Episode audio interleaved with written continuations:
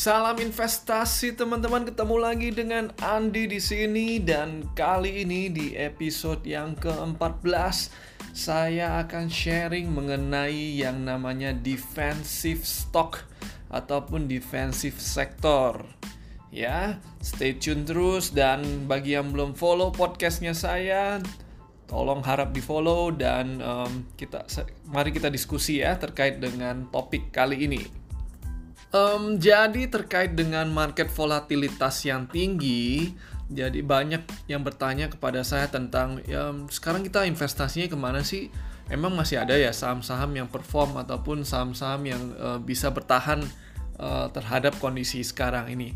Nah, di dalam dunia investasi, teman-teman ada istilah yang namanya defensive stock ataupun defensive sector. Jadi uh, maksudnya apa?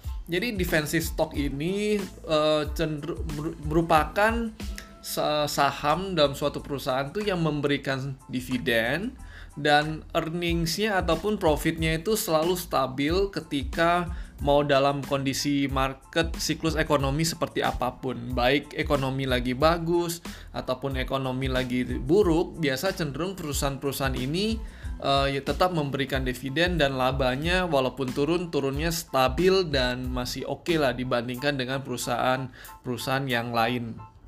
Nah, kalau defensive sektor ya maksudnya ya uh, sektor-sektor yang uh, defensif ataupun ketika ekonomi lagi turun ataupun siklus ekonomi lagi di bawah sektor-sektor ini cenderung yang bertahan menghadapi uh, uh, penurunan ataupun lebih stabil pergerakannya dibanding ataupun turunnya lebih sedikit dibandingkan dengan perusahaan uh, di sektor-sektor yang lainnya. Seperti apa sih sektor-sektornya? Yang pertama tentunya berhubungan dengan uh, konsumsi yaitu food ataupun beverage.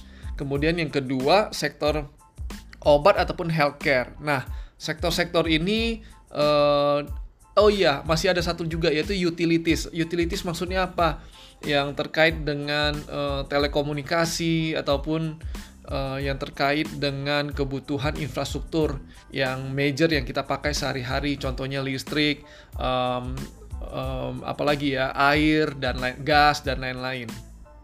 Nah, kalau kita berbicara tentang stoknya, kurang lebih eh, perusahaan-perusahaan yang bergerak di bidang makanan, contohnya Indofood, kemudian um, utility itu lebih ke arah telkom, kemudian yang telekomunikasi lah um, cenderung ke arah sana. Ya kan kalau kita lihat kenapa kok saham-saham ataupun sektor ini yang dianggap sebagai defensive stock ataupun defensive sektor ketika ekonomi turun, teman-teman kita tetap konsumsi kan, kita tetap mandi, ketemuan ke, kemudian kita tetap gosok gigi dan yang lain-lain. Dan kita tetap pakai telepon um, dan rata-rata uh, pemakaian kita nggak akan lebih ataupun nggak akan berkurang dengan drastisnya. Biasa normal normal aja.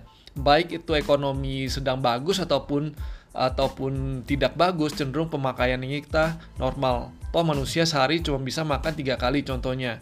Ya kan? Kita mau uh, makan tiga empat kali kan ya maksimum empat lima kali lah termasuk ngemil dan lain-lain. Jadi ini yang disebut dengan defensive stock. Ya salah satunya juga healthcare obat-obatan juga. Mau keadaan kita lagi ekonomi lagi jelek yang namanya kalau sakit ya kita harus ke dokter kita harus ke rumah sakit kita harus membeli obat-obatan. Nah itu walaupun dengan ekonomi lagi bagus ya tetap aja kalau sakit juga kita harus ke dokter. Jadi uh, ketika ekonomi lagi turun sektor-sektor ini ataupun perusahaan-perusahaan ini yang cenderung bisa bertahan uh, karena stabilnya permintaan ataupun demand dari uh, masyarakat terhadap produk perusahaan mereka. Jadi penjelasan saya kali ini lebih ke arah perusahaan-perusahaan ataupun saham ya teman-teman ya. Jadi tadi ada uh, defensive stocks dan defensive sector. Kalau sektornya ya sektor konsumsi, sektor healthcare, sektor uh, food dan uh, beverage, kemudian ada uh, obat-obatan juga termasuk. Kalau perusahaannya, contohnya Telkom, um, kemudian ada ada Indofood juga tadi, ada um, ada saham-saham rumah sakit, kemudian ada saham-saham perusahaan yang membuat obat, contohnya Indofarma, Kalbe Farma, dan uh, Siloam dan lain-lain. Nah, teman-teman biasanya cenderung investor ketika ekonomi ataupun volatilitas yang tinggi, mereka cenderung beralih ke saham-saham seperti uh, yang tadi saya sebutkan, ke sektor-sektor yang seperti yang saya sebutkan.